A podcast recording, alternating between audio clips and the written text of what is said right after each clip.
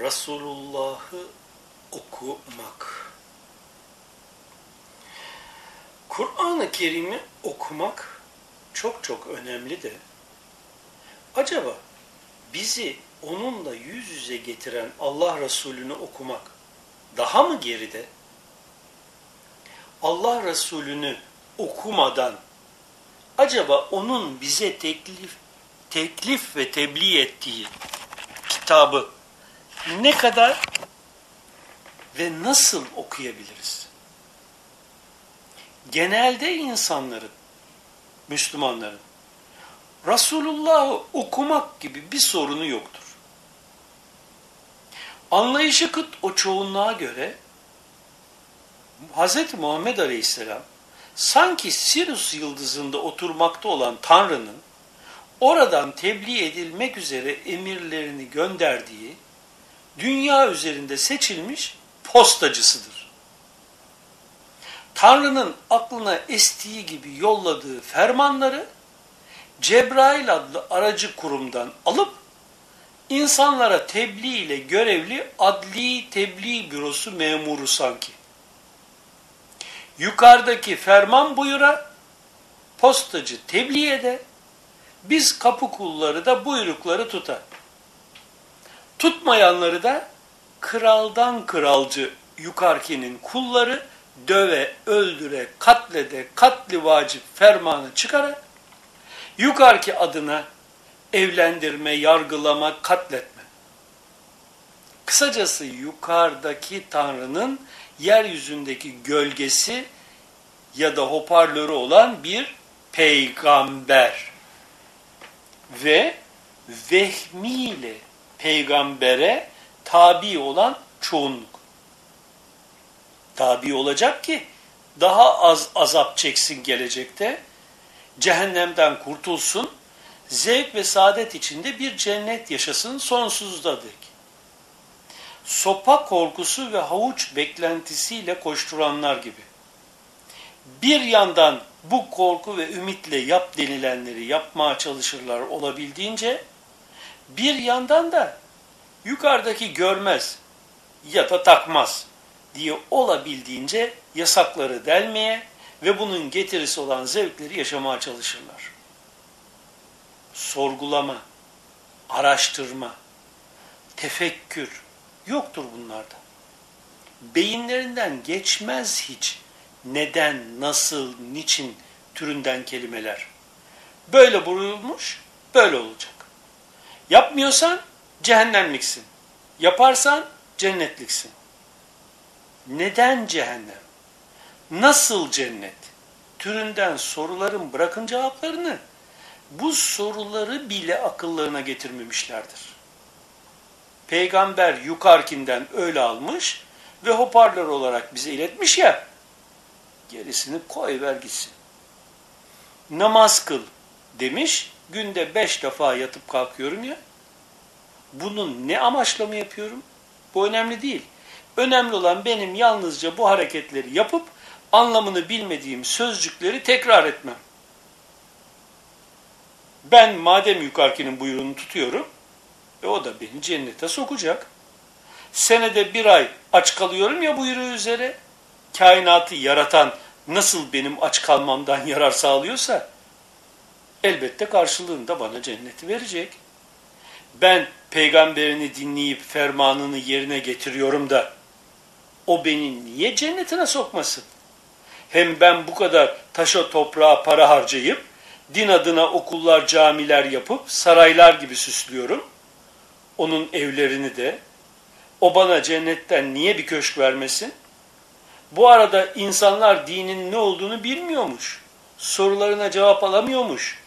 Din anlayışı çağa hitap edemez hale gelmiş.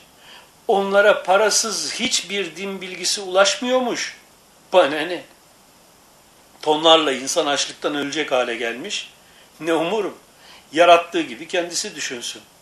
Milyonlarla insan umurumda değil. Ben 50-100 çocuğa bina yapıp onları okutuyorum ya. Bunun için 100 milyarlar harcıyorum ya. Elbette o da beni cennetine sokup 70 vur 70 kılman 70 köşk verecek. Evet daha nice böylesine gök tanrı ve yerde hoparlörü postacısı peygamber anlayışından kaynaklanan bakış açısıyla yapılan değerlendirmelerle oluşmuş Müslümanlık anlayışı. Vehmin getirdiği peygambere tabiiyet. Anlayışı kıtların tanrı, din ve peygamber sistemi ve buna dayalı yaşam düzenleri. Bir de aklıyla Allah Resulüne tabi olanlar. Hz. Muhammed Aleyhisselam'ın ashabından bazıları kendisine ya Nebi Allah derlerdi. Bazıları da ya Resulallah. Kimse ona ya peygamber demedi. Kur'an-ı Kerim'de hiç peygamber kelimesi de geçmedi. Nübüvvet nedir? Ne işlev görür? Neden nebidir? Nasıl nebi olunur? Nübüvvet nasıl oluşur kişide? Nübüvvet varlığını nereden alır? Hz. Muhammed aleyhisselama nebilik vasfı niye verilmiştir? Niye Kur'an-ı Kerim'de o zat için peygamber kelimesi kullanılmamıştır da özellikle belli tanımlamalara dönük olarak nübüvvetin işlevine işaretle Nebi ismiyle söz edilirken başka tanımlamalar ve işlevler için Risalet kavramından ve Rasul oluşundan söz edilerek bu iki kavram birbirinden ayrılmıştır. Risalet nedir? Ne işlevi vardır? Kişi ne yönüyle Rasuldür? Nasıl Rasul olunur? Risalet nasıl açığa çıkar kişide? Risalet varlığını nereden alır? Ne yönüyle ve nasıl Hz. Muhammed Aleyhisselam Allah Resulü olmuştur? Niye Meryem suresi 54 ayetinde kitap ve sahife getirmediği halde İsmail aleyhisselamın hem nebi hem de Resul oluşu ayrı ayrı vurgulanmaktadır. Yalnızca kitap getirene Resul denir veya Nebi denir diyorlarsa bunlar fark edilmeden Hz. Muhammed Aleyhisselam'ın açıkladığı ve bize fark ettirmeye çalıştığı Allah adıyla işaret edilen anlaşılmadan Allah adıyla işaret edilenin veli oluşunun ne demek olduğu kavranmadan semanın Kur'an'da pek çok yerde gök anlamından ziyade boyut anlamına olarak kullanılmakta olduğu değerlendirilmeden nazil olmanın gökten dünya üzerine değil birimin hakikatından bilincine doğru olduğunu anlamadan urucun bilinçten varlığın hakikatına doğru yapılan düşünsel bir yöneliş, yükseliş olduğunu hissetmeden tüm bunları yaşamış ve sonucunda Allah Resulü olarak tüm insanlara gereken bildirimi yapıp ebedi saadete ermeleri için yol gösteren bir zata nasıl peygamber denilir, postacı ya da hoparlör olarak bakılır? Aklınızı başınıza toplayın. Yalnız bir köşeye çekilip sistemli bir şekilde düşünmeye başlayın.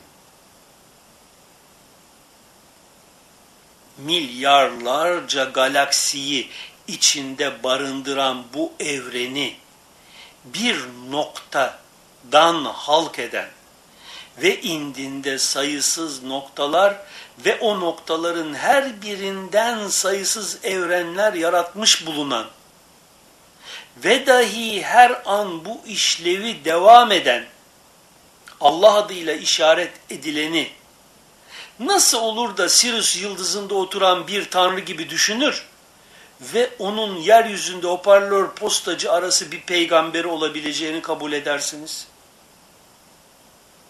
Eğer hala böyle düşünüyorsanız kozanızda mutluluklar dilerim size.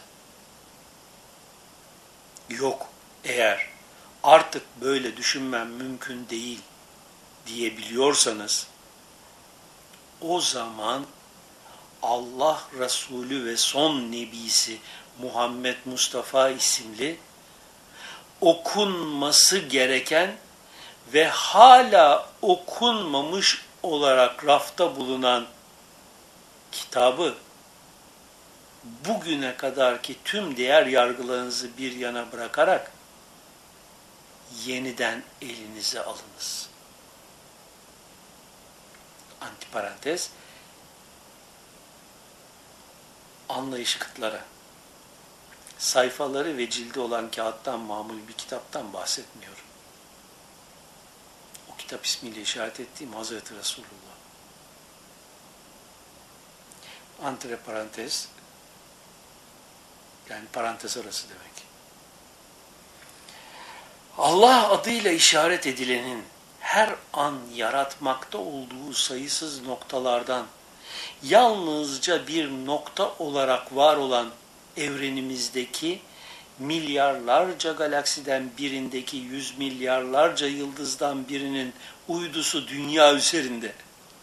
Halife olması amacıyla ve bu amacı gerçekleştirecek fıtratla Mekke'de açığa çıkmış bilincin yaşam safhalarını ve düşünce sistemini okumaya başlayarak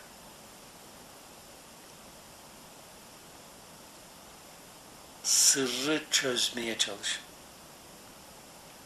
Haniflik genetik veri tabanına sahip yıldızlardaki meleki gücü Tanrı kabul etme anlayışını baltasıyla yıkan ve ölü kuşu Allah kudretiyle dirilten şuurun genetik mirasını bünyesinde bulan